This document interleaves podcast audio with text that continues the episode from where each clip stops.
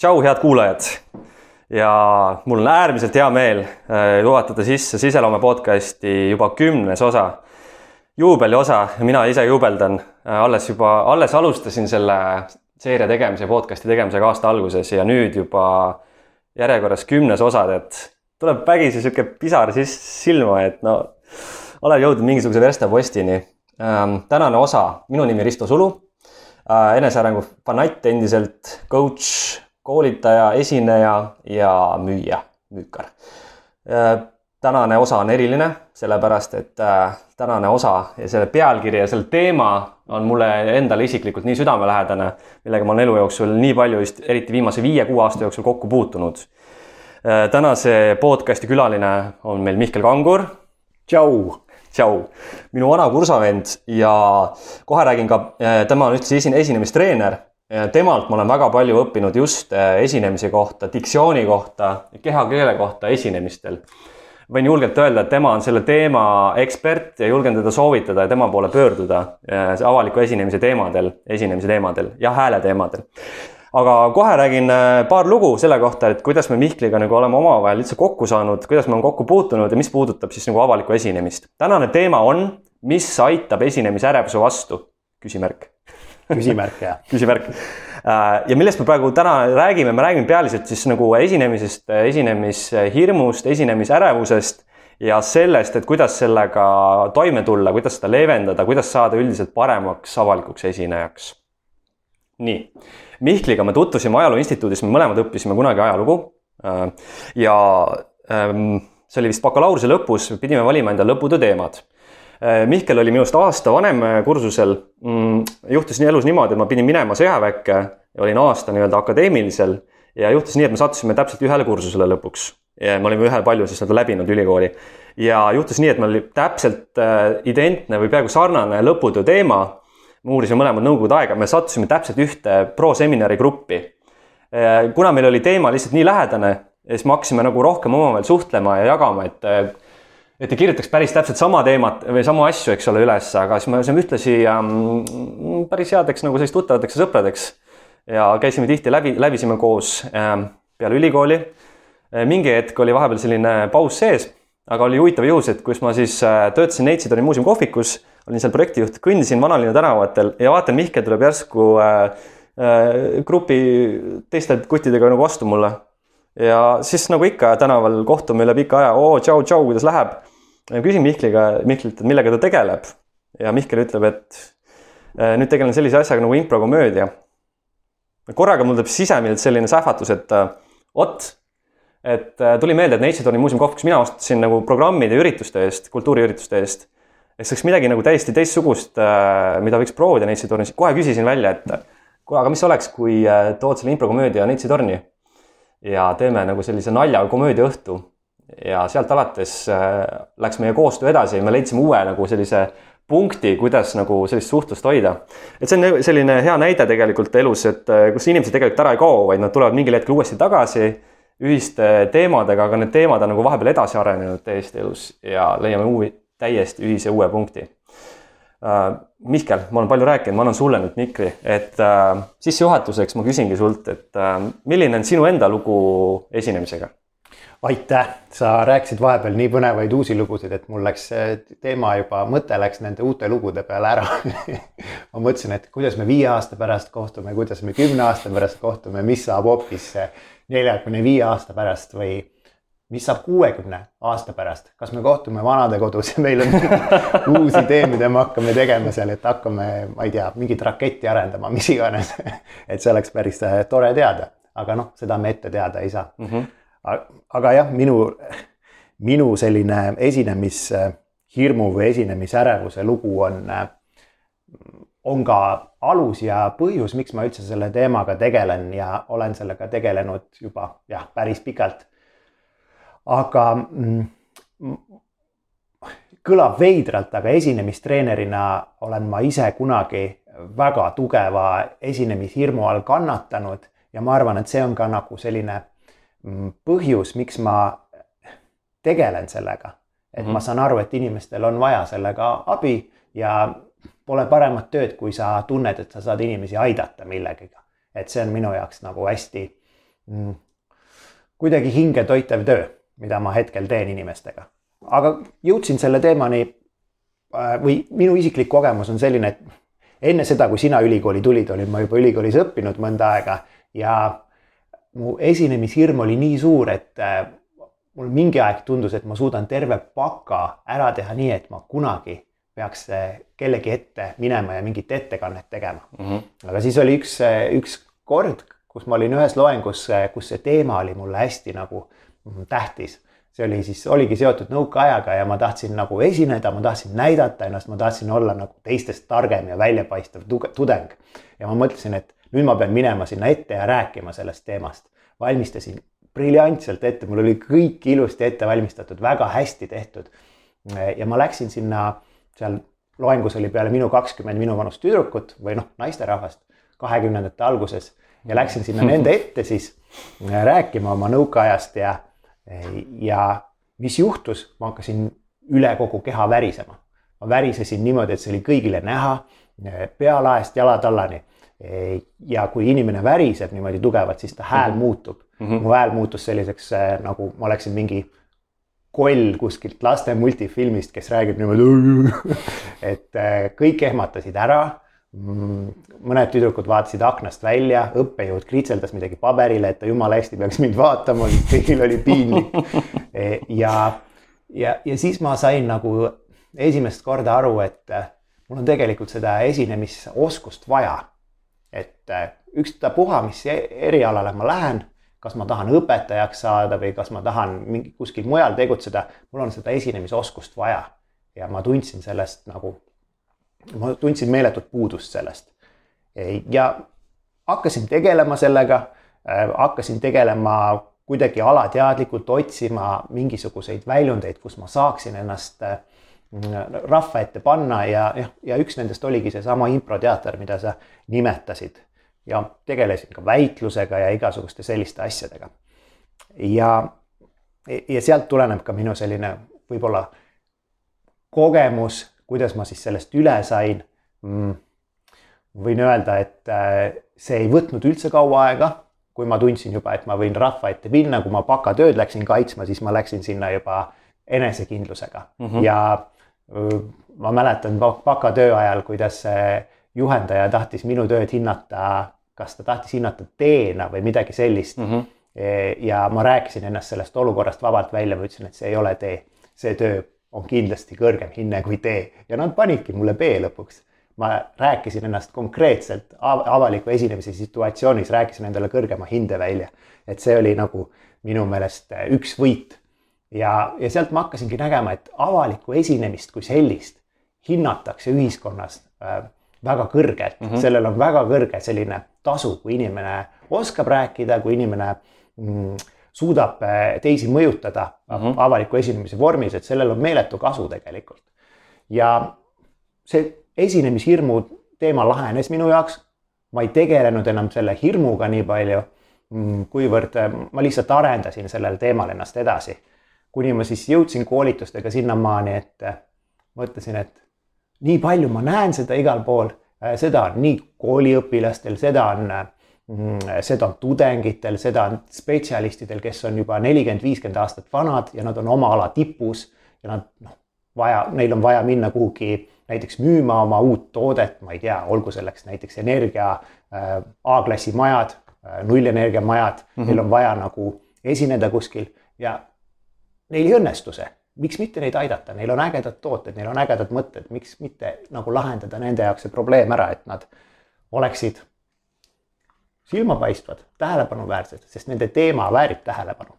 ja, sul on ilmselgelt nagu väga täpselt äh, sõnastatud ja nagu täppi pandud nii-öelda sihuke missioon, mille järgi sa asju teed, et sa, sa ütlesid, nagu sa ütlesid, et see, see, see töö on sinu jaoks äh, inimeste aitamine ja see nagu loob nii suuri lahendusi vaata ühiskonnas ja ta on sinu jaoks hinge toitev ma mäletan täpselt, kus sa seda ütlesid ja mul tuli veel meelde sellega seoses sinu selle mm, kaitsmisega, sest ma ise olin samal kaitsmisel, me olime ühel kaitsmisel.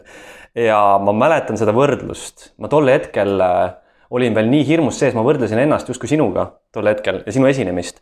ja ma mäletan seda sinu esinemist ja üks asi, mida ma eriti täpselt mäletan, oli see, et äh, kuidas sa esinemise ajal äh,, sa liikusid äh, ringi.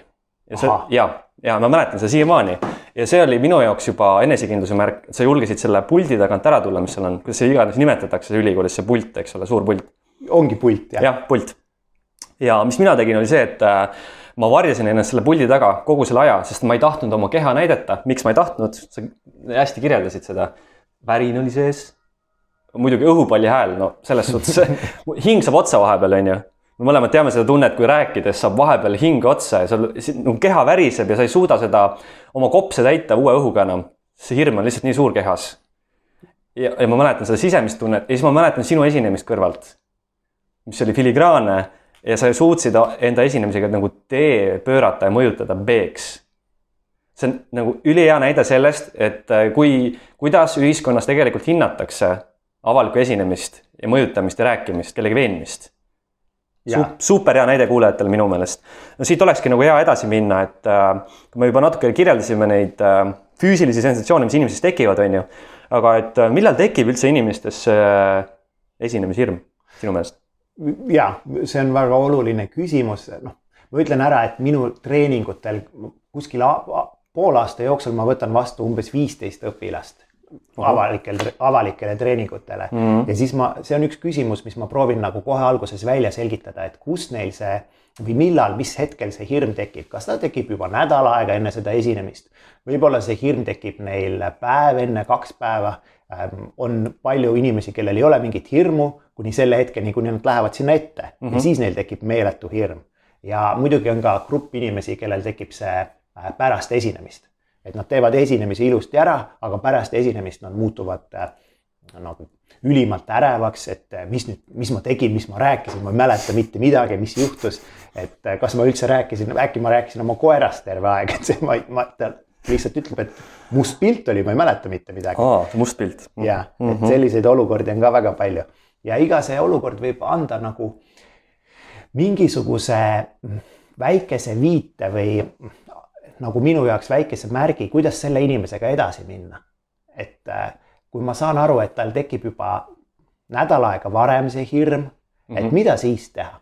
kui see hirm tekib äh, konkreetselt tund aega enne esinemist, siis mul on vahendid, mida ma talle selleks puhuks annan või noh ja kui tal tekib pärast see hirm, et eh, kuidas siis seda hirmu leevendada, sest see on ka üsna tavaline, et sul pärast esinemist läheb hoopis vererõhk kõrgeks ja sa süda puperdad ja mõtled, et kas ma lähen traumapunkti või kuhu ma lähen, eks ju mm. -hmm. et see võib, võib ka väga vabalt olla. ja noh, iga asja puhul on väiksed nüansid, et ma, ma usun, et me jõuame nendeni, et kuidas siis äh, nendega tegeleda täpselt ahah, sest ma just mõtlesingi nüüd järgmisena juba küsida, et, äh, et sa hästi kirjeldasid ära, et mis, et hirm on nagu jaguneb kolmeks põhimõtteliselt on ju, et enne esinemist, põhimõtteliselt esinemise ajal on ju ja pärast esinemist. Äh, aga ma just tulen äkki selle juurde siis hiljem tagasi, et aga mõte nüüd selles, et äh, kuulajatele anda ka mõni, mõni praktiline nõuanne lihtsalt, et kuidas ja. nende asjadega teha, on ju, aga ma saan aru, et me tuleme selle juurde veel tagasi, nii et me võime ka edasi minna, kui sa soovid kohe nende. Lähme kohe praktiliseks ära. võteteni või midagi, millest ma mõtlen, et alguses rääkida kohe, kui seda esinemise ärevust eh, nagu sihtida otse mm., mm eh, siis mis ei aita ja mida ma võin kohe ära öelda esinemise ärevuse puhul, mida mina ei ole siin näinud abi ei endale ega oma, oma õpilastele nii-öelda, kes koolitustel käivad, on, on info. ütleme, inimene näiteks peab äh, tähtpäevakõnet peab pidama äh, sõbra pulmas ja äh, see tekitab tas meeletut nagu ärevust, sotsiaalne kõne, inimesi on kaheksakümmend võib-olla seal niimoodi ja, ja siis ta loeb neid igasuguseid blogiartikleid, et kuidas, kuidas siis esineda ja kuidas sellest hirmust jagu saada mm. -hmm. ja enamik neid artikleid ütlevad ju tegelikult mida mm,? hoia silmkontakti mm,, see näitab enesekindlust, ole avatud see näitab seda, et eh, see noh, sa saad olla sõbralik sedakaudu, et sa ei sulge ennast. Mis veel võib olla, mm, mida öeldakse, õpi ilusti kõne selgeks, räägi, räägi vabalt ilma paberita, midagi taolist võidakse öelda mm. -hmm. ja, ja siin ongi nagu huvitav koht, inimene loeb läbi selle, mõtleb, et okei okay,, ma teadsin seda juba kuuendas klassis et ma pean silmkontakti looma, ma teadsin, et ma pean oma, olema avatud, ma teadsin seda juba, õpetaja ütles mulle seda kuuendas klassis ja siis ta tunneb ennast nagu idioodina, sellepärast et ta ei ole siiamaani, ta võib olla näiteks nelikümmend kaks aastat vana, ma ei ole siiamaani omandanud seda, mis mul viga on ehk siin tuleb selline huvitav koht, kus mm, avalikku esinemist kui sotsiaalset oskust tahetakse õppida kui midagi teoreetilist. ehk ma loen midagi läbi ja ma arvan, et ma oskan siin. sa võid lugeda sada tuhat korda järjest, et esinemisel on silmkontakt tähtis, aga kas sa omandad selle silmkontakti lugedes? ei omanda mm. -hmm.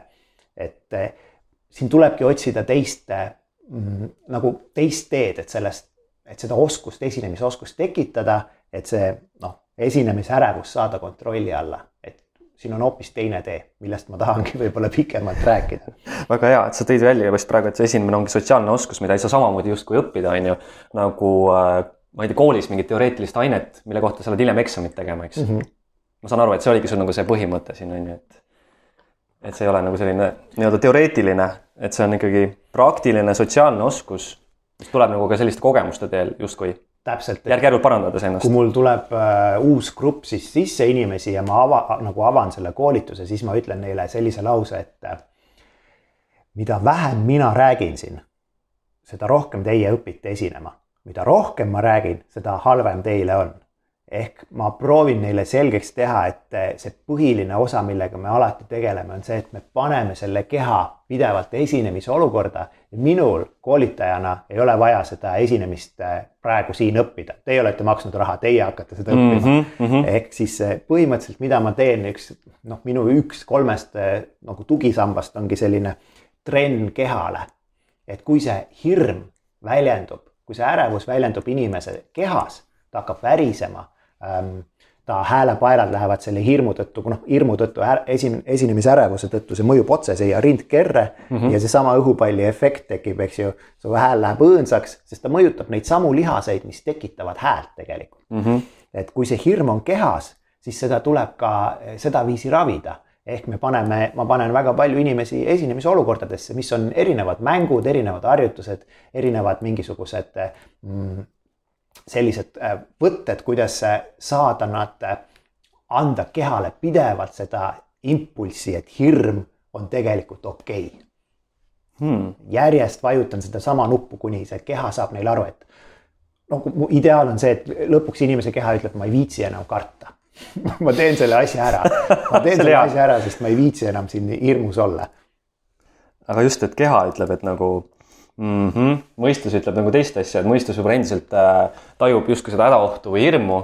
kuid nüüd, kui sa oled ennast ümber treeninud oma närvisüsteemi täiesti nagu ümber programmeerinud, siis su keha ütleb, et ma ei viitsi rohkem seda edasi lükata, et ma teen ära ja kui ma juba teen ära, siis ma teen seda võimalikult hästi treenitult ja ma tean tegelikult, mis mind ka ees ootab. kas siin ei ole ka natukene nagu seda äh,, kas siin ei ole ka natuke sellist nagu äh,, kuidas ma ütlen sulle teadmatuse hirmu natukene sees eh, keha, just keha ja mõistuse poolt, et nagu su keha ja mõistus ei tea, mida justkui äh, loota või oodata sellelt esinemiselt. ta ei tea, mis see tulemus on lõpuks. ja loomulikult, et see avalik esinemine on väga minu meelest äh, ebaloomulik asi. Äh, kui me mõtleme kogu loomariigi peale, siis lõvid ei pea koosolekuid üksteisele ja ei lähe üksteise ette seal mingid nirgid ja nugised samamoodi, et ei tõuse püsti ja ei pea koosolekuid, mis siis, et noh, võib-olla Lion Kingist jääb teine mulje, aga äh, jah, see, sa oled seal ees, sind vaatab samal ajal mingi kuuskümmend inimest, sada inimest võib-olla.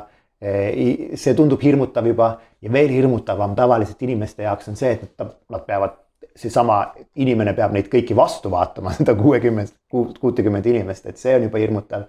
ja see, et sul ei ole kuhugi põgeneda, sa ei saa ära minna mm. sealt, et see võitle või põgene refleks, mis meil seal ajus on, eks ju, see ei ja. saa toimida tavapäraselt, sa pead sinna jääma, see on veider ju, kui sa jooksed minema ehk siis äh, väga ebaloomulik asi, eks ju, kehale ja, ja ajule. et sellepärast see ajus tekib see hirmureaktsioon ja keha lihtsalt väljendab seda, keha on täiesti aus inimeste puhul. ja seetõttu see äh, tekivad needsamad kehakeele probleemid, et äh, käed lähevad ette lukku või lähevad nad taha lukku, ehk siis kui läheb tahalukku, siis on ühte liiki turvamees, kui läheb ette lukku, siis on teist liiki turvamees. ja juba sa tõmbad ennast neutraalseks, juba on sul vähem avatust, juba sa suudad vähem seda publikut emotsionaalselt mõjutada, sest sa noh, paned iseennast lukku. et mm. Äh, kas ma vastasin su küsimusele? ja, ja ei, väga hästi vastasid, väga hästi vastasid, ma lähekski kohe edasi, et äh, nüüd ähm, mm, minu meelest paljuski nagu see kehaline reaktsioon sellele avaliku esinemise olukorrale on just tekkinud meil koolisüsteemist ja koolipingis olles.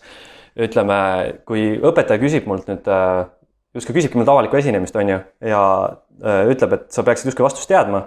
ja ma kõva häälega ütlen midagi äh, enda meelest rumalat ja mille peale terve klass naerab, on ju. et mis, see annab mulle see kehale signaali, et justkui et ma ei peaks justkui rääkima välja, mida ma mõtlen või, või vähemalt selliselt, mida ma mõtlen, on ju.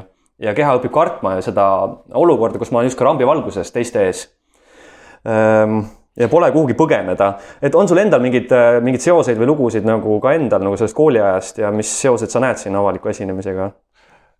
ja kindlasti, et äh, nagu koolis on neid, tegelikult neid asju, mis me võiksime õp õpilastes arendada, on väga palju.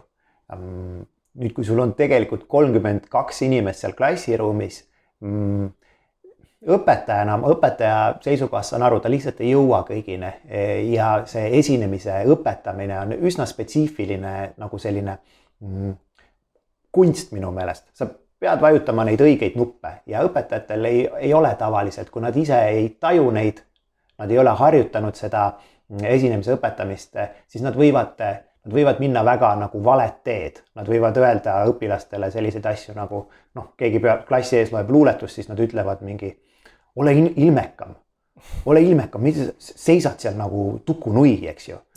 mida sa, sa esined praegu, ära ole nii kinnine, et eh, kõik sellised soovitused eh, muudavad õpilase veel rohkem kinnisemaks ja veel rohkem saab ta aru, et see ei ole see, mida tema peaks tegema, et see ei tule tal kindlasti välja mm. -hmm. et eh, jah, ma arvan lihtsalt, et noh, kool ei jõuagi sellega tegeleda, kui seda mitte eraldi mm, kuidagi täpselt seda noh, selles mõttes ma, minu üks äh, selline visioon ongi see, et ma, missioon pigem, et ma äh, aitan ka õpetajaid. Äh, mul on koolitus eraldi õpetajatele, kuidas siis koolisüsteemis seda esinemisõpetust võiks läbi viia mm. -hmm. ja hetkel, hetkeseisuga peaks minu programmi järgi õppima vähemalt kuskil kakssada gümnaasiumi õpilast siis esinema. et ma olen andnud õpetajatele oma programmi edasi, mida ma siis õpilastega teen kuidas ma seda esinemist õpetan. Mm, ja nemad siis äh, proovivad seda programmi järgida ja õpilasi avada siis esinemisele. Neile see huvitavaks teha mm. -hmm. ja vähem hirmsamaks siis muidugi. ja äh,. Lähme siit edasi, et nagu me teame, siis mingisuguse muutuse loomiseks elus sul on vaja noh, sul on vaja nagu pidevalt mingi asjaga tegutseda, eks sul on vaja mingit harjumuspärast käitumist, on ju aga need harjumuspärased käitumised tulevad sageli nagu piisavast põhjusest, miks sa üldse tahad mingi asjaga tegeleda, ehk siis miksist. Eh, miks üldse avaliku esinemisega tegeleda, kui vaatame seda asja nagu suuremalt ja laiemalt ka? Noh, infoühiskonnas ma näen, et eh, mingil hetkel, kui inimene, olgu ta ametnik või olgu ta ettevõttes, ettevõtte juht või keskastme juht, et eh, mingil hetkel tuleb lihtsalt see koht, kus sul on võimalus edasi liikuda. Ja sageli see edasiliikumine hõlmab ka seda, et sa suhtled rohkem inimestega ja väljaspoolt enda maja ja selgitad midagi, mm, õpetad midagi, näitad, kuidas mingid asjad peavad olema, tutvustad midagi, et, äh, et siin tulebki see koht, kus äh, sul on vaja lihtsalt äh, oskust, et olla teiste ees ja kui sa varem mm. ei ole seda teinud, aga tahad edasi liikuda järgmisele astmele mhm. mm, -hmm. siis targem oleks see esinemisoskuse omandada. et just karjääri, karjääri mõistes on see enamikele inimestele vajalik, ega nad vabatahtlikult ei tule sinna no nagu öeldakse, et esinemishirm peaks olema maailma üks suurimaid hirme, et kes siis ikka vabatahtlikult seda kogeda tahab. aga jah, täpselt. täpselt ja, ja samamoodi äh, müügioskus või see müümine on ka asi, mida inimesed väga vabatahtlikult justkui ei taha teha. samane näide kehale justkui, ma toon lihtsalt selle paralleeli korra sisse, on äh, näiteks, mida ma ise teen hommikuti, külma, jääkülma vee all käimine mm. -hmm. ega mu keha ei ütle seda mulle, et äh, palun tee seda, et see on nii hea. ei ole hea, esimesed kümme-viisteist sekundit on üliraske. keha ütleb sulle, et see oli hea, et kui Sama, sul on täpselt. hea esinemine, siis pärast keha ütleb sulle, et oh yeah, sa tegid ära selle, jumala äge. et see tekib see võidujoovastuse efekt kindlasti, ma olen nõus. nii et väga paljuski ja, ja jällegi ma tean, ma taipan seda, et mitte isegi, isegi keha ei ütle mulle seda, et nagu see, et ära tee seda. Ei ole seda hirmu sees, vaid mu mõistus ütleb seda, et see on nagu ikkagi nagu ajule nii pinnarikas tegevus. samamoodi mm nagu müük või avalik esinemine, need on asjad, mida inimesed ei taha vabatahtlikult nagu teha suure nagu hurraa käega, on ju, käed laiali. ma tahan nüüd seda teha, sa õpid seda nautima mm. -hmm. sa õpi-, see on õpit-, ühesõnaga, see on tegelikult siis õpitav sotsiaalne oskus. jah, kindlasti, et äh, nagu ma ütlen, minu selline põhimõte on viia oma õpilased äh,, kes tulevad koolitustele hirmust, viia nad julguseni ja ärevusest ma proovin nad viia entus- äh,, noh, mitte entusiasmini otseselt, aga elevuseni. et see, mida nad ees väljendavad äh, teiste ees, ei oleks mitte mm, ärevus, vaid see oleks pigem elevus, et see teema huvitab mind. Teie olete siin ruumis tähtsad ja ma tahan teile rääkida, et äh, ma, ma proovin tekitada nagu sellist äh, esineja kuvandit, mida ma praegu kirjeldasin mm. -hmm. Ja no mis, mida ma ise olen nagu kogenud oma kehas justkui on see, et äh, nagu see vahe hirmu ja julguse vahel ja vahe nüüd selle ärevuse ja elevuse vahel, nagu sa nimetasid, on ülipisikene. ja, ja ja millal sa näed või taipad inimestes seda, et nad on üle läinud, justkui selle lävendi ületanud, see on nii imepisike vahe, on ju. millal mm. sa nagu seda kõrvalt justkui taipad ja näed, et inimene on selle ületanud? see vastus võib olla, millal ma taipan, et inimene on nagu ma ütlen, et see julgus otseselt minu jaoks väljendub välises enesekindluses ja kehakontrollis see, selles väljendub julgus, et äh, sisemiselt noh, ma ütlen ausalt ära, et sisemist sellist äh, julgust äh, nagu julgus ei tähenda siin seda, et inimene nüüd teeb selle ära ilma, et nagu julgus tähendabki seda, et sa kardad midagi, aga mm -hmm. sa mhm. teed selle ära sellegipoolest mm. ja teed selle hästi ära, et see on minu meelest julgus yeah.. julgus ei ole see, et sa mõtled, ah vahet pole, ma võin viiesaja inimese ees esineda, see ei ma tulen, ärkan viisteist minutit varem üles ja teen kohe ära selle, et see pole nagu julgus minu meelest. see on, see, see, see on mingisugune hälve rohkem see, et midagi ajus ei tööta, sellepärast et tegelikult sa peaksidki esinemist kartma, see on ülimalt loomulik minu meelest, seda ebaloomulikku asja karta. ja millal see ärevus muutub elevuseks, on see hetk koolitusel, kus ma näen, et ma suudan inimese keha avada. ehk siis eh, need kaitsereaktsioonid tulevad maha ja see ärevus, mis on tas eh, muidu nähtav, muutub eh, näiteks žestideks. kui nii, kui sa paned inimese näiteks, mul on üks harjutus, kus ma panen inimesi rääkima nende isiklikke reisilugusid, hirmulugusid, kus on midagi juhtunud. ma ei ja. tea, nad on Barcelona keskväljakul olnud ja keegi paneb nendele käe taha tasku ja tahab seda Mm, rahakotti ära varastada ja panen nad rääkima seda ja ma neile alguses midagi ei öelnud äh, selle kohta, et mm, olge avatud esinejana.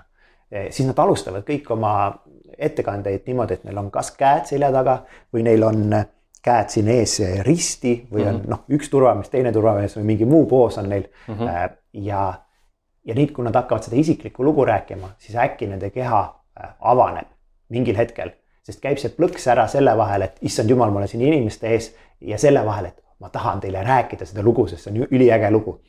ja nende käed hakkavad tööle, nende mm, eh, siis see, see vajadus, see eh, lugu, mis nende enda peas on, tõsta see teiste inimeste pähe, eh, see hakkab nagu, see on nii hämmastav efekt ja täiesti võib-olla inimeste puhul, kes muidu kardavad väga esinemist kes muidu on nagu noh, kui nad muidu räägivad oma erialast tekstist, nad on nagu kuivad sidrunid mm. -hmm. nagu ülimalt neutraalsed, igavad vaadata, kõik surevad igavusse, siis järgmine hetk võivad nad muutuda väga osavateks esinejateks, ilma et nad oleksid midagi varem õppinud. Et see on nagu üks minu selline mm, see on üks minu selliseid äh, nippe, et ma usun, et inimesed oskavad esineda. juba, see on nendes olemas. see on hüpotees, et see on eeldus juba, et inimesed naturaalselt juba oskavad esineda. ma lihtsalt pean selle kuidagi avama, lukust lahti keerama, selle mm. nende isikupära. et see nõuab minu poolt harjutusi, mingisugust kogemust ja eh, natukene manipuleerimist inimestega, et nad avaksid ennast, aga noh, pärast nad on sellega rahul. et eh, ma olen saanud väga ägedaid tulemusi inimeste puhul, kes eh, on muidu kabuhirmus, aga kui sa leiad selle õige võtte, siis sa näed, et nad avanevad, neil on olemas täiesti isiklik isikupära millega nad võiksid võluda siis inimesi, lihtsalt nad ei tea seda. väga lahe, nii et loomupäraselt inimesed oskavad avalikult esineda justkui, neil on see loomupäraselt äh, geneetiliselt või endas DNA-s juba sees. Nüüd äh, mingil hetkel elus nad õpivad seda, nende keha ja mõistus õpib esinemist äh, kartma, avalikku esinemist, on ju. ja me jõudsime välja selleni, et igal inimesel on oma justkui äh, lukk või isikupära, millega ja oma lukk selles mõttes, millega ta on pannud lukku selle avaliku esinemise. nüüd on sinu asi nii-öelda siis esinemistreenerina see lukk justkui lahti muukida või siis leida võti, millega nüüd see uks -hmm. avada ja see on isikupärane, avalik esinemine on isikupärane. me jõudsime ka väga huvitava teemani minu meelest, mis äh, just toobki nagu selle erinevuse välja, mis on nagu selline äh, kvaliteetne avalik esinemine ja mis on nagu selline väga mitte, ehk siis äh, kontroll. ja selline teema nagu liigne enesekontroll ma tean, et see mõjutab väga hästi ka sellist müüki või sellist müügimehelikku kõne, kui sa hakkad nagu väga sellist skripti taga ajama või lugema ette nii-öelda müügiteksti mm. -hmm su hääl muutub, su tonaalsus muutub, su keha muutub, on ju. aga kui me räägime nüüd avalikust esinemisest, siis äh, saad sa nagu laiemalt seda teemat avada, seda kontrolli teemat. et äh, mis, mis see minu meelest, äh, mis see, mis see kontroll teeb nagu inimesega avaliku esinemise puhul ja kuidas nüüd sellest liigsest enesekontrollist justkui välja tulla? liigne enesekontroll tähendab minu jaoks seda, et äh, inimene esineb kogu aeg neutraalsel tasa, tasemel mm. ta ei ta varjab oma negatiivseid reaktsioone, mis kehas võivad tekkida nagu värinad, äh, siis äh, mingisugused sellised äh, enda kuidagi riiete näppimised ja kõik sellised asjad, mis võivad tekkida, kui sa oled väga närvis mm. -hmm. ja ta varjab ka positiivseid žeste. ta varjab sellist, ta ei suuda minna sõbralikule tasandile ja ta ei suuda motiveeriv olla inimestele, sellepärast et ta on kogu aeg neutraalne, kuna ta sulgeb oma keha siis kogu esinemiseks mm. -hmm. ja see on minu meelest liigne kontroll ja muidugi liigne kontroll on ka see, kui sa hakkad keset esinemist mõtlema, mida sa, mida sa just praegu tegid, mida su käsi tegi, mida su mm, jalad teevad, kas sa teed midagi praegu valesti, et see, see on vale hetk.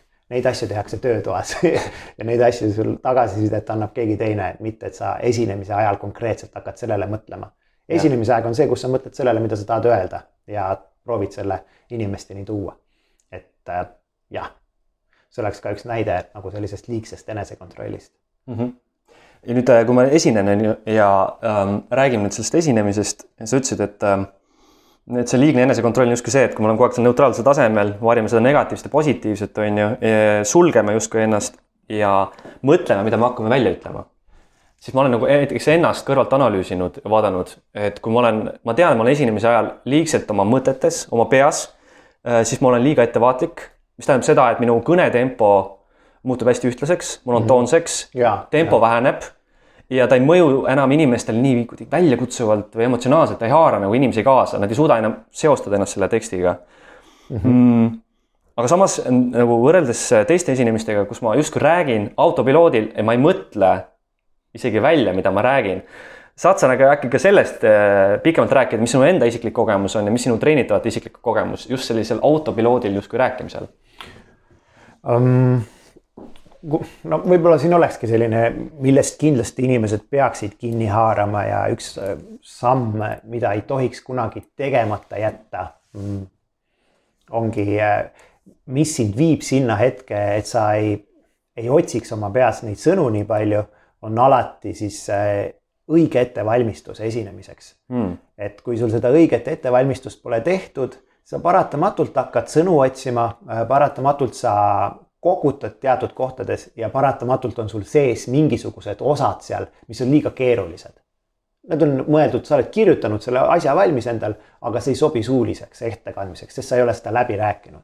ja õige ettevalmistus minu meelest hõlmab alati äh, siis seda, et kui sul on tekst koos, mida sa tahad öelda, siis sa hakkad seda valjult ette kandma mm.. Äh, kui sul kedagi kodus ei ole, siis sa kannad, kannad seda ette toolidele. Äh, paned endale toolide peale võib-olla, ma ei tea, mingid kujud, mis iganes asjad, joonistad pildid sinna, räägid nendele. Ähm, kui sul on keegi kodus, see on palju parem, äh, paned tema istuma sinna, oma abikaasa, naise, lapse teismelised lapsed on eriti head, sest nad on nii kriitilised tõmbavad kohe sulle vee peale, kui sa hakkad esinema. ehk siis, kui sa paned üks, ühe korra, kaks korda, kolm korda ennast sinna olukorda mm, ja kõva häälega räägid selle teksti, teksti läbi, siis sa oled seal olukorras enne esinemist juba, esinemist juba kolm korda olnud, et sa oled selle läbi teinud seal tuleb kohe välja need kohad, kus sa räägid liiga keeruliselt, siis äh, sinu perekond hakkab sulle ütlema, et kuule, ma ei saanud midagi aru. Need kohad, kus mm -hmm. sa Mhm. tunned, et äh, see pole täpselt see sõnum, mis ma öelda tahtsin, ma peaks selle palju lihtsamaks tegema äh,. sealt tuleb välja ka need kohad, mida sa ei suudagi välja öelda, sest seal on liiga keerulised sõnad või see ongi liiga pikk loetelu lause, et see tuleks hoopis teistmoodi üles ehitada. ehk siis sealt tulevad välja need kirjaliku ja suulise kõne erinevused Hmm. et äh, jah, see oleks võib-olla esimene asi, mis äh, ettevalmistus kõva häälega mitu korda läbi rääkida päästab tavaliselt äh, pool esinemist juba, pool esinemisest ära juba. Mm -hmm.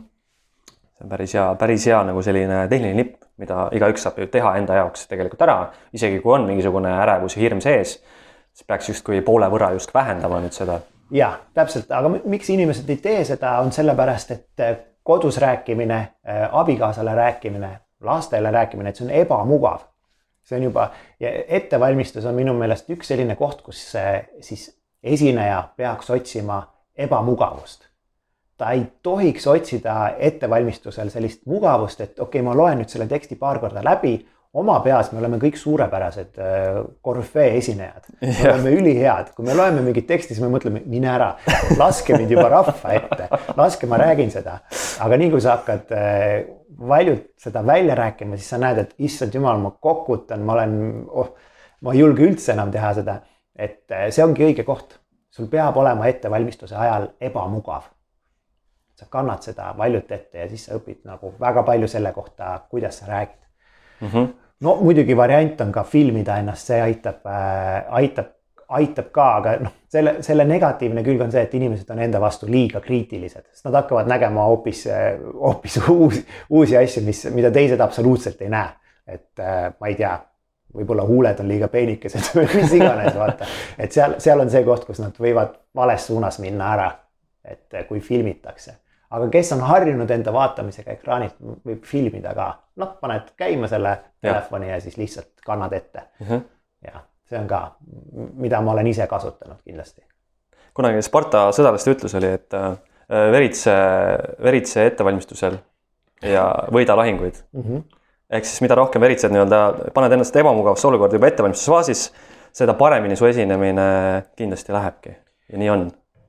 ja mul on isegi plaan teha üks kord kuus selline võib-olla mm, töötuba, kus inimesed, kellel parasjagu on mingisugune müügikõne või tööalane kõne või ma ei tea, tähtpäevakõne tulemas, et nad saaksid lihtsalt tulla ja selle ette kanda mm, siis üksteisele, auditooriumile, midagi sarnast, nagu kunagi oli see Eestis ka Toastmasters või midagi sarnast, eks ju. Et seda minu teada hetkel vist ei ole Eestis, võib-olla on ka, aga ma annaksin siis seal inimestele selliseid, ütleksin neile põhimõtteliselt, mis töötab ja mis ei tööta, see on kõige tähtsam neile, et äh, muud ei olegi. üks hea nipp siis teile, head kuulajad, ongi see, et otsige ka võimalusi kasvõi nagu Mihklit, eks ole, et äh, otsige neid võimalusi, kus te saate panna ennast sellesse ebamugavasse olukorda ja kanda ette enda mingisugune oluline kõne või ettekanne. Dale Carnegie kunagi ütles, et see avalik esinemine ongi tema jaoks number üks äh, oskus elus. ja sealt hakkas kogu see avaliku esinemise koolituse teema üldse pihta Ameerikast, on ju. kahekümnendad, kolmekümnendad eelmisel sajandil tegi neid avaliku esinemise koolitusi aga noh, Dale Carnegie täpselt samamoodi, nagu ma sult küsin nüüd järgmisena, on välja toonud erinevaid nagu müüte, mis inimestel on juba ennem avalikku esinemist. Et mis sa arvad, Mihkel, et mis, millised avaliku esinemise müüdid süvendavad veel siis seda omakorda seda inimest, seda esinemishirmu? no üks müüt on kindlasti minu meelest see, et, et noh, minu eelmise, ma ei taha sellega eelmisele punktile vett peale tõmmata, aga ma ütlen, et igale inimesele see hirm on natuke erinev mm., et on äh, hulk inimesi, kelle puhul ettevalmistus ei aita kodus, et äh, neil, kuidas öelda, nende kehal ei ole tekkinud veel seda mingit sorti immuunsust äh, inimgrupi ees esinedes, et neil ongi vaja tulla treeningule ja lihtsalt harjutada inimeste ees olemist sest nende see ärevuse tase on nii kõrge mm., et ainult ettevalmistus enam ei aita seal ähm,. Nendel on vaja lihtsalt äh, sellist trenni teha koos minuga. selleks ma olen oma koolituse niimoodi üles ehitanud, et me ei kohtu ühel korral, vaid me kohtume kahe kuu jooksul iga nädal korra. Et mm, -hmm. et siis ma saan neile nende arengut kirjeldada ja pidevat tagasisidet anda. et see on üks müüt minu meelest, et ettevalmistus alati aitab, ei pruugi aidata hmm.. no muidugi, kui me mõtleme teiste müütide peale, siis palju sellist kirjanduse jama on koolitusmaailmas äh, ka, et nagu, et äh, et ainult seitse protsenti on siis sinu sõnade tähtsus ja üheksakümmend kolm protsenti on kehakeele tähtsus, et see on mm, -hmm. see ei ole õige, et see uurija ise, kes need, nendele tulemustele jõudis, oli äärmiselt pettunud, et seda mm, kasutatakse avaliku esinemise kontekstis, ta mõõtis hoopis midagi muud seal ja ütles, et see uurimisgrupp oli isegi üliväike, kus ta tegi seda uurimust, see ei olnud üldse avaliku esinemisega seotud aga noh, kuidagi on ta jõudnud täiesti selliseks äh, kõikehõlmavaks müüdiks, et inimesed tähtsustavad seda kehakeelt liiga palju üle mm. -hmm. et äh, ma ütlen, et esinemine ei ole see koht, kus sa äh, esinemise ajal pead oma kehakeelele mõtlema väga. töötoas saab harjutada äh,, töötoas sa saad öelda inimestele, mis nagu parasjagu töötab ja mis ei tööta, et äh, seal, seal on see koht, kus tegeleda selle kehakeelega mm -hmm. natukene rohkem, aga mingisugust sellist asja, et sa vahepeal paned enda käed risti ja siis sa kaotad koheselt publiku ära, ei ole. et minu meelest see on selline, kehakeelega on tehtud, asi on tehtud suuremaks, kui ta tegelikult on, et seal, seal ei ole mingeid suuri kehakeele saladusi olemas. kui sul on käed suletud, sa oled natuke neutraalsem, kui sa avad ennast, siis sul on potentsiaali rohkem inimesi mõjutada. See, et sa ei või vahepeal muuta oma energiataset ja minna väga motiveeriva äh, kõneviisi pealt äh, neutraalseks tagasi, on vale, sellepärast et kui sa lähed vahepeal neutraalsemaks mm, -hmm. kui sa jälgid mind veel ja kui sa lähed vahepeal neutraalsemaks, siis sa tõne, tõmbad nagu pinget natuke allapoole. ja kui sa oled kogu aeg äärmiselt äh, kehakeeles kõikehaarav, esined nagu ma ei tea, mis, kogu aeg on käed laiali, kogu aeg oled hästi kaasav, siis sa oled, mõjud inimestele väsitavalt et sa peaksid liikuma siis äh, nagu rütmidega energiatasemelt kõrgemale ja allapoole tagasi ja käte sulgemine on üks meetod, kuidas natukene sellist äh, kõrget energiat allapoole tuua, et ma ütlengi, ma räägin siin väga palju asju, eks ju, et vahepeal võib tekkida segadus, et äh, inimeste küsimus on tavaliselt koolitusel see, et kuhu ma need käed siis panen endal. kus ma neid hoian, et mida ma siis proovin neile öelda, et sa võid neid hoida vahepeal lukus, kui sa tahad mm,. tähtis on vaadata ja mina vaatangi ja annan tagasisidet selle kohta, kas need käed tulevad lukust välja sellel hetkel, kui sul on oluline sõnum öelda ah,. Okay. et see on nagu kõige tähtsam mm. -hmm. et kui need jäävad lukku, siis tähendab väga nagu sage olukord on see, et inimestel on need käed sõlme pandud mm. -hmm. et kui noh, kui sa paned käed niimoodi, seda on raske praegu kuulajatele näidata, aga kui sõrmed on omavahel sõlmes siin ees mm, -hmm. siis nad tulevad äh, vähem lahti, kui sa paned lihtsalt käed niimoodi ühe käe nii-öelda teise sisse. sa võid ise proovida praegu. aga mis teema selle kolmnurga asendiga on, seda kasutatakse ka väga palju. Just tagurpidi kolmnurk on ju, kui kujutad ette praegu. jah. nii, hoid, hoian siin ees tagurpidi kolmnurk on ju no see, see, see läheb minu selle teooria vasta, sellepärast mm. et ma ei, ma ei usu, et tähendab, ma usun inimeste isikupärasse, kui ma näen neid inimesi, kes koolitusele tulevad, neil on kõigil teatud omamoodi naeratus, teatud omamoodi eh, žestid, omamoodi energiatase. Ma ei usu, et ma, see, et ma kleebin neile külge mingisugused kindlad žestid, kuidas käsi hoida või kuidas ja, käsi ja. avada või millist äh, täpset äh, nagu žesti teha, et nad muutuvad kunstlikuks ja nad muutuvad natukene minu meelest äh, võltsiks. sest nad hakkavad mõtlema selle žesti peale. aga žest tuleb loomulikult inimese seest, kui ta tahab midagi öelda aga nii kui sa hakkad tegema kunstli, kunstlikke žeste, siis sa võid panna murdosa sekundiga mööda selle žestiga ja inimesed saavad aru, et see on võlts. sest sa oled, mõtled, et nüüd ma teen seda žesti. Äh, seetõttu minu teooria on see, et inimesed ei tohi žestide peale mõelda, see tekst ja sõnum, mida nad tahavad edasi anda, peab panema neid žestikuleerima mm. -hmm. ja, ja sellepärast on see ettevalmistus tähtis, et äh, nad jõuavad sellelt tasemelt äh, ära, et nad mõtlevad, mida nad hakkavad ütlema, vaid noh, see tuleb neil nagu rohkem automaatselt, et äh, siis saab seda keha sinna juurde panna ja nii edasi.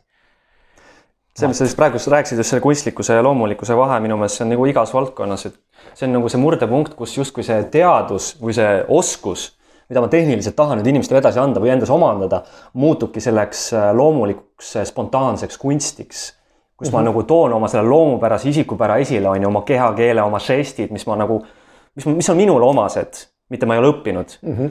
et, et noh, vot siin ongi nüüd see, aga, aga see tähendab seda, Mihkel, et enne seda ma ikkagi pean mingisuguse baasi saama nagu seda tehnilist äh, tehnilist oskust ja taipu, et jõuda nagu sellele mingisuguse kunstimäärani, kus ma saan oma isikupära ja loomupära loomulikult esile tuua?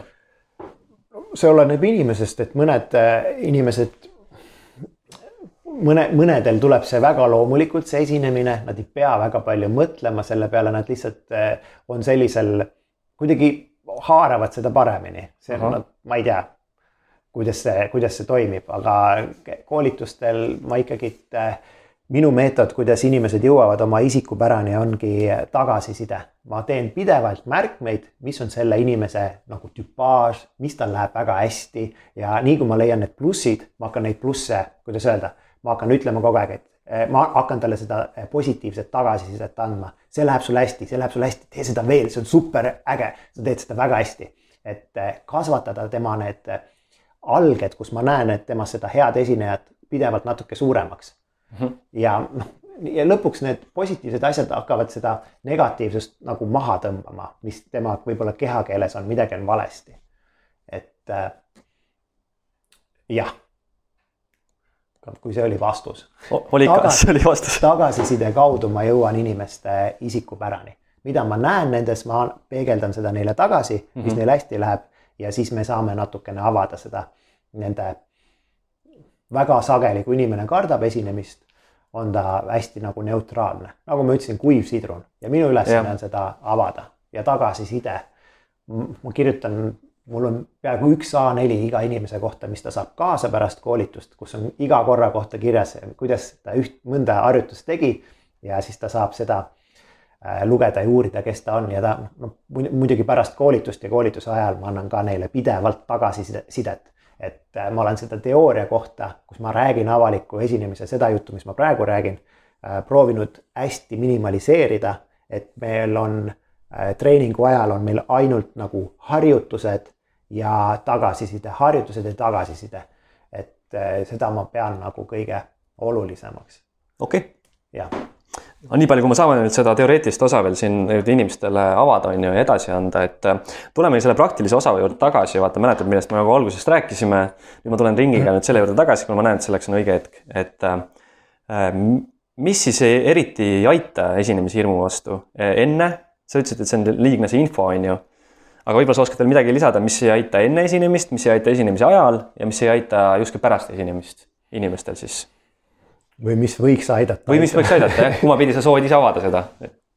me müütidest rääkisime või mis ei pruugi alati aidata, aga ähm, võtame siis lihtsalt, kui nädal aega on esinemiseni jäänud ja sul on meeletu hirm äh, või suur hirm äh,, mida sa saad teha, kindlasti aitab ettevalmistus, sellest me rääkisime väga pikalt.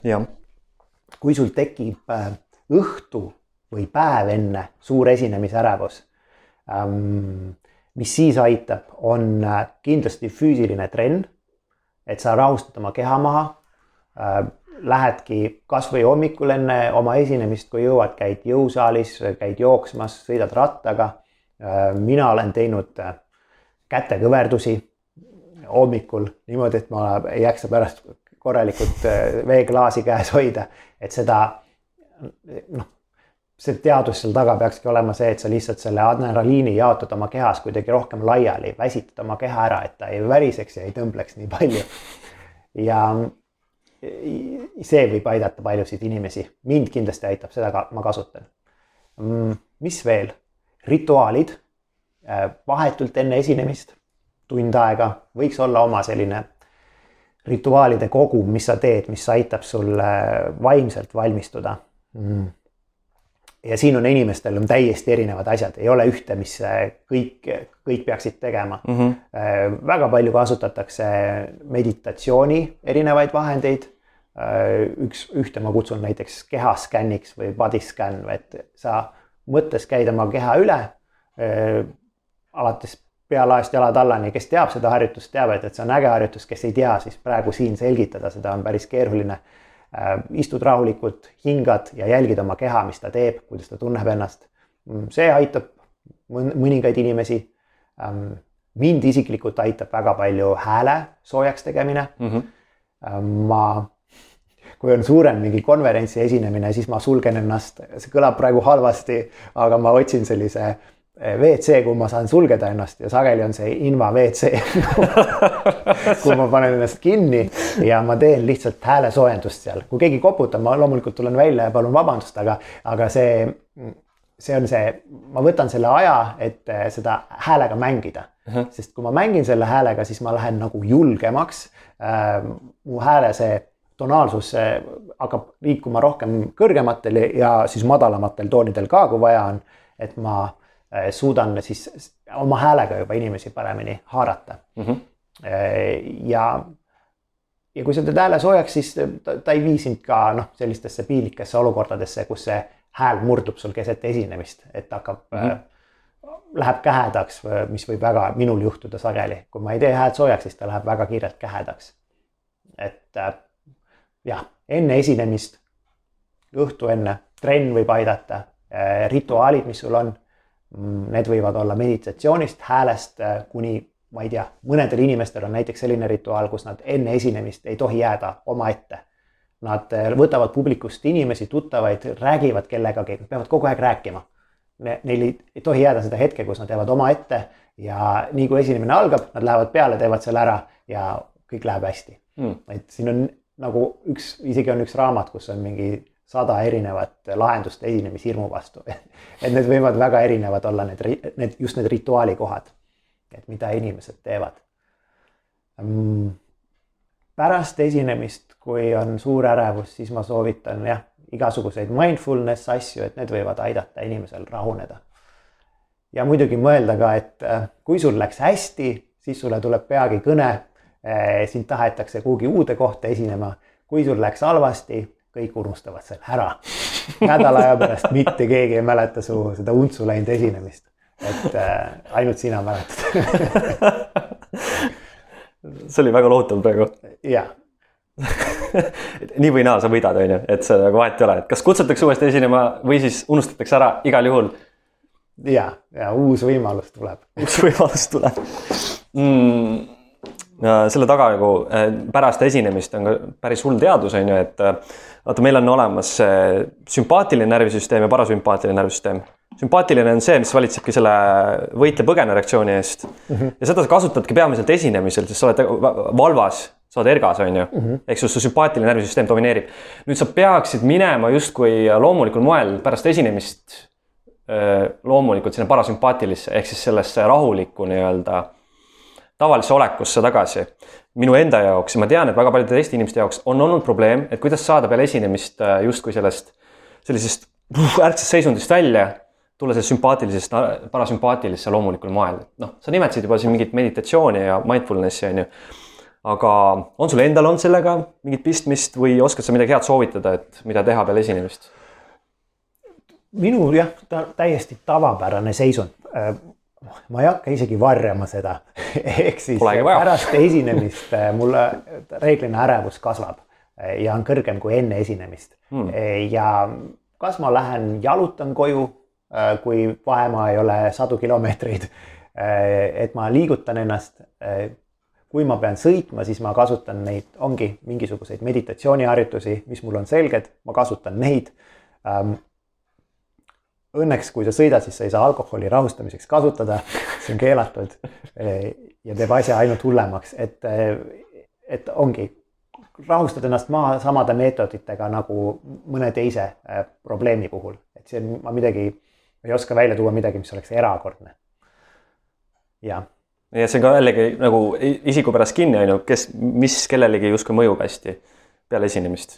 isikupäras ja, ja ongi see, kui palju keegi on oma enesearenguga tegelenud, et kui mm. sa oled tegelenud, siis äh, sa neid erinevaid vahendeid peaksid teadma. kui ei ole väga palju tegelenud, et siis võib äh, meditatsioon tunduda äärmiselt äh, naljaka asjana. et tunned, et sa oled mingi budamunk kuskil, aga kui oled tegelenud, siis sa tead, et see võib olla tänapäevase ühiskonna täiesti normaalne selline mm, äreva ühiskonna üks nagu selliseid tööriistu, kuidas toime tulla seal. et jah, mingisugused mindfulness harjutused võivad aidata tõesti. absoluutselt, nii et äh, täiendage oma tööriistakasti ja vaadake, mis teile endale sobib siis sealt tööriistakastist tegelikult. ja, jah, koolitusel see näeb välja niimoodi, et äh, töötuba ongi selline, et igaüks, ma toon näiteid, aga kõik proovivad selgitada välja siis selle päästiku või selle mm, kuidas ma ütlen, rituaali, mis neile kõige rohkem sobib mm. -hmm. ma ei saa öelda neile, et tee seda, aga ma saan soovitada midagi ja siis noh, aeg-ajalt neil tuleb esinemisi ette ja siis nad tulevad, räägivad mulle, kuule, mulle sobis ikka see mm, äh, keha kurnamine enne esinemist, et see sobis mulle hästi mm. -hmm. et selle liigse ärevuse hajutamine kehas ja teine ütleb jälle, et mulle sobis see hästi, et ma räägin inimestega vahetult enne esinemist, et mm -hmm. see on kõigil, kõigil kahjuks kõigil erinev, et ei saa alati öelda, et sa tee seda väga hea. Äh, me hakkamegi lõpuni nüüd juba lähemale juba jõudma. jaa, selle. ma saan alles hoogu sisse sa, ma tean, ma näen seda, ma tajun seda. aga, aga paraku jõuame juba vaikselt juba lõppu välja, nii et äh, ma küsiks eelviimase küsimuse nüüd. ja see kõlab nii, et, et see just lähtub ka sinu enda nendest sihtgruppidest, kellele sa nüüd koolitusi teed ju mm. -hmm. ja neid esinemistreeninguid, et kust otsida esinemisjulgust, esiteks äh, treeneri, koolitajana. teiseks, kust otsida esinemisjulgust õpilasena koondküsimus. jah, et äh, no põhimõtteliselt mina enda jaoks võtan selle esinemishirmu äh, niimoodi osadeks, et ma äh, vaatan vastupidiselt, ma vaatan äh,, mida inimesed hindavad siis hea esineja puhul. et mis, mis, mis on need tunnused, mida nad hea esineja puhul hindavad, et äh, kindlasti hindavad siis silmkontakti, siin ei ole mingit küsimust, silmkontakti hinnatakse väga kõrgelt esinejate puhul. Ähm, et ta suudab luua selle sideme auditooriumiga. Mm, äh, kindlasti hinnatakse avatust ja sõbralikkust, et, äh, et inimene olekski selline, kellega saab suhestuda. Ähm, konkreetsust ja täpsust hinnatakse, sellist asjalikkust, äh, enesekindlust, midagi ootamatut tuleb ette, siis inimene suudab sellega toime tulla mm. -hmm. ja kaasahaaravust muidugi, et sellist vahepeal esineja suudab minna sellest neutraalsusest siis äh, mitu astet kõrgemale ja olla selline, tõmmata see tähelepanu endale, julgeda natukene rohkem võib-olla sinna ähm, performance'i poole minna, et natukene ka sellist teatrit teha rohkem, et äh, selliseid äh, trikke kasutada mm. -hmm. et noh, see on selline võib-olla juba edasi jõudnute puhul tähtis. ja kui ma olen need paika pannud, mida esinemise puhul hinnatakse tavaliselt inimeste, siis ma teengi vastavad harjutused. Äh, siis äh, esinemistreenerina, mis arendaks just neid äh, nüansse mm. -hmm. ja noh, silmkontakti puhul see on, ongi see, et esimeses tunnis ma teengi sellise harjutuse, kus nad pidevalt hakkavad seda silmkontakti ära kaotama ja ei taha seda luua ja siis samm-sammult alles kuuendal korral ma saan võib-olla mõne inimese käest selle õige silmkontakti kätte mm, -hmm. et äh, võin öelda küll, et äh, see harjutus on super harjutus, paneb teid kohe suurepäraseks silmkontakti meistriks, aga tegelikult see võtab aega. et sellepärast see koolitus mul ongi hästi nagu mitmeks korraks jaotatud, et see jääb lihtsalt kehamällu sisse inimestel.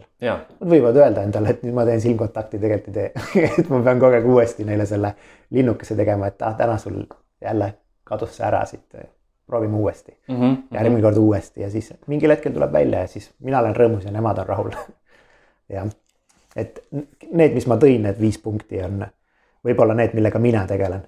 kaasahaaravus, äh, enesekindlus, konkreetsus, täpsus ähm,, avatus, sõbralikkus kindlasti ja siis see silmkontakt.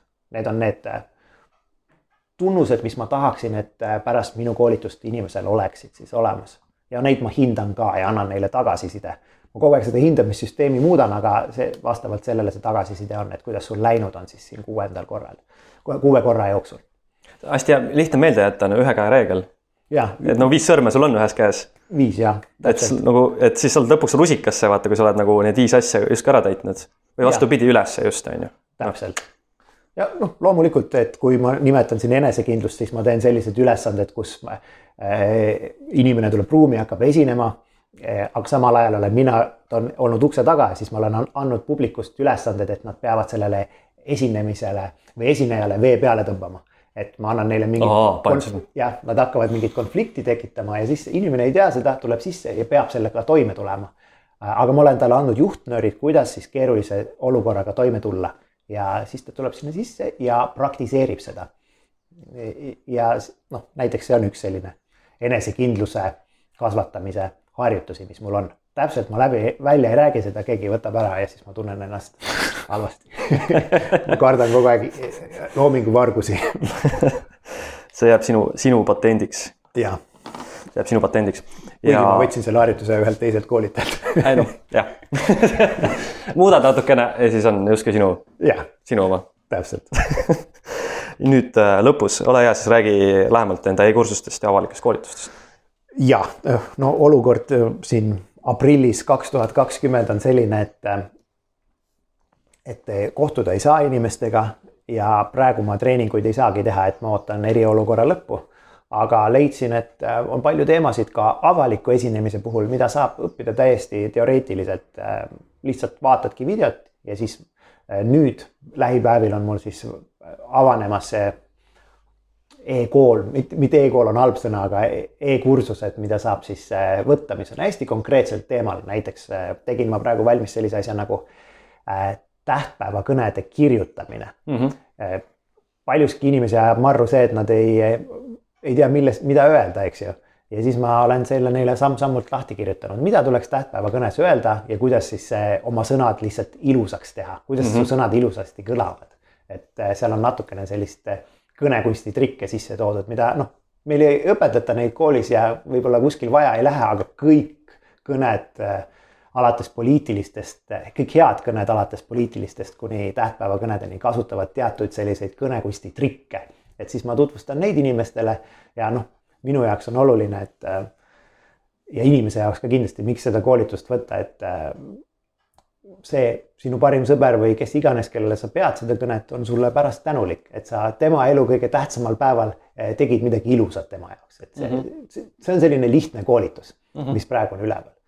aga edaspidi ma proovin sinna panna teemasid, mis parasjagu inimesi kõnetavad, kindlasti veebis esinemine tuleb sinna, kuidas siis ma ei saa muidugi noh, Zoomi ja igasuguste video selliste esinemiste puhul võib-olla mida tähele panna, et seda ma proovin ette valmistada ja mis veel sinna tuua.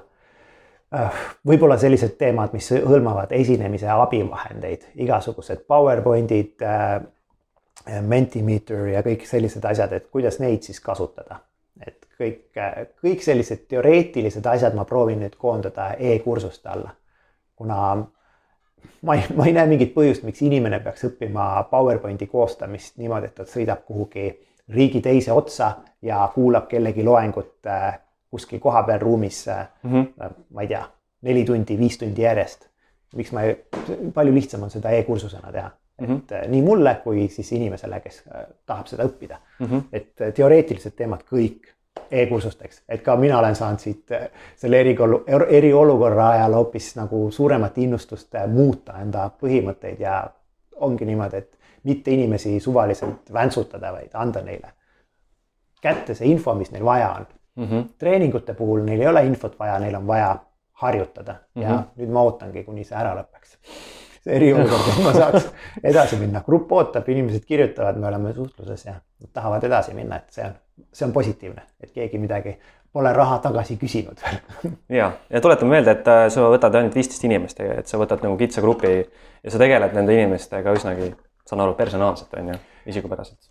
jah, et äh, see ei, ma näen, et see on ainuke võimalus, mul ei ole mõtet teha päevast kursust, kus inimene ei saa nagu oma raha eest äh, seda, mis, mis ta tegelikult tahab mm. -hmm. ta ei saa seda oskust kätte. ja ma panen siia alla lingi ka, nii et te leiate täpsema info Mihkli lehekülje pealt nende e-koolituste kohta e, e-kursuste kohta yes.. sinna tuleb veel asju juurde ja kindlasti ma arvan, et avaliku koolituste info tuleb samamoodi sinna, kui lõpuks see eriolukord nüüd läbi saab, on ju. kus nad saavad lähemalt lugeda nende avaliku esinemiste kohta. jah, muidugi mm, -hmm. paneme kõik sinna. super, äh, viimane asi, ma annan jälle Mihkli sulle tagasi, sinu, sinu see sära tõehetk anna midagi inimestele kaasa, mis on nende take away'sid täna, äh, mis kokkuvõttes veel soovitaksid? kui sa nüüd võtaksid lõpus kokku kogu täna öeldu mida sa soovitaksid inimestele just jälgida siis esinemisärevuse vastu? ja nendele, kes on mu koolitusest huvitatud ja kui ka nendele, kes ei taha koolitusele tulla, tahavad kuidagi odavamalt ja lihtsamalt läbi saada, et esinemise puhul pead otsima ebamugavust. nii enne esinemist kui esinemise ajal, et sa ei saa, sa, sa ei saa sinna minna käega lööma, sa pead ette valmistama ja otsima ettevalmistuse puhul siis seda, seda, mis annab sulle julgust ja jõudu juurde mm. -hmm. mitte kujutama ette, et ma teen selle ära lõdvalt, ei tee super, minu meelest on see väga hea take away, mina võtsin selle siis kaasa äh,. aitäh sulle. kas nüüd on läbi või? oot, kohe, nüüd on kohe läbi võtan lõpusõnad ka, siis on läbi ah, okay. Mihkel alles sai soojaks, ma näen seda, aga aga Mihkliga saate uuesti kohtuda avalikel e-kursustel ja avalikel koolitustel tulevikus. Mina, Mihkel, sulle hästi tänulik, et sa tulid täna siia ähm,. jagasid seda lahedat teemat ja ma sain ise siit hästi palju kaasa. loodetavasti teie kuulajad saite siit kaasa.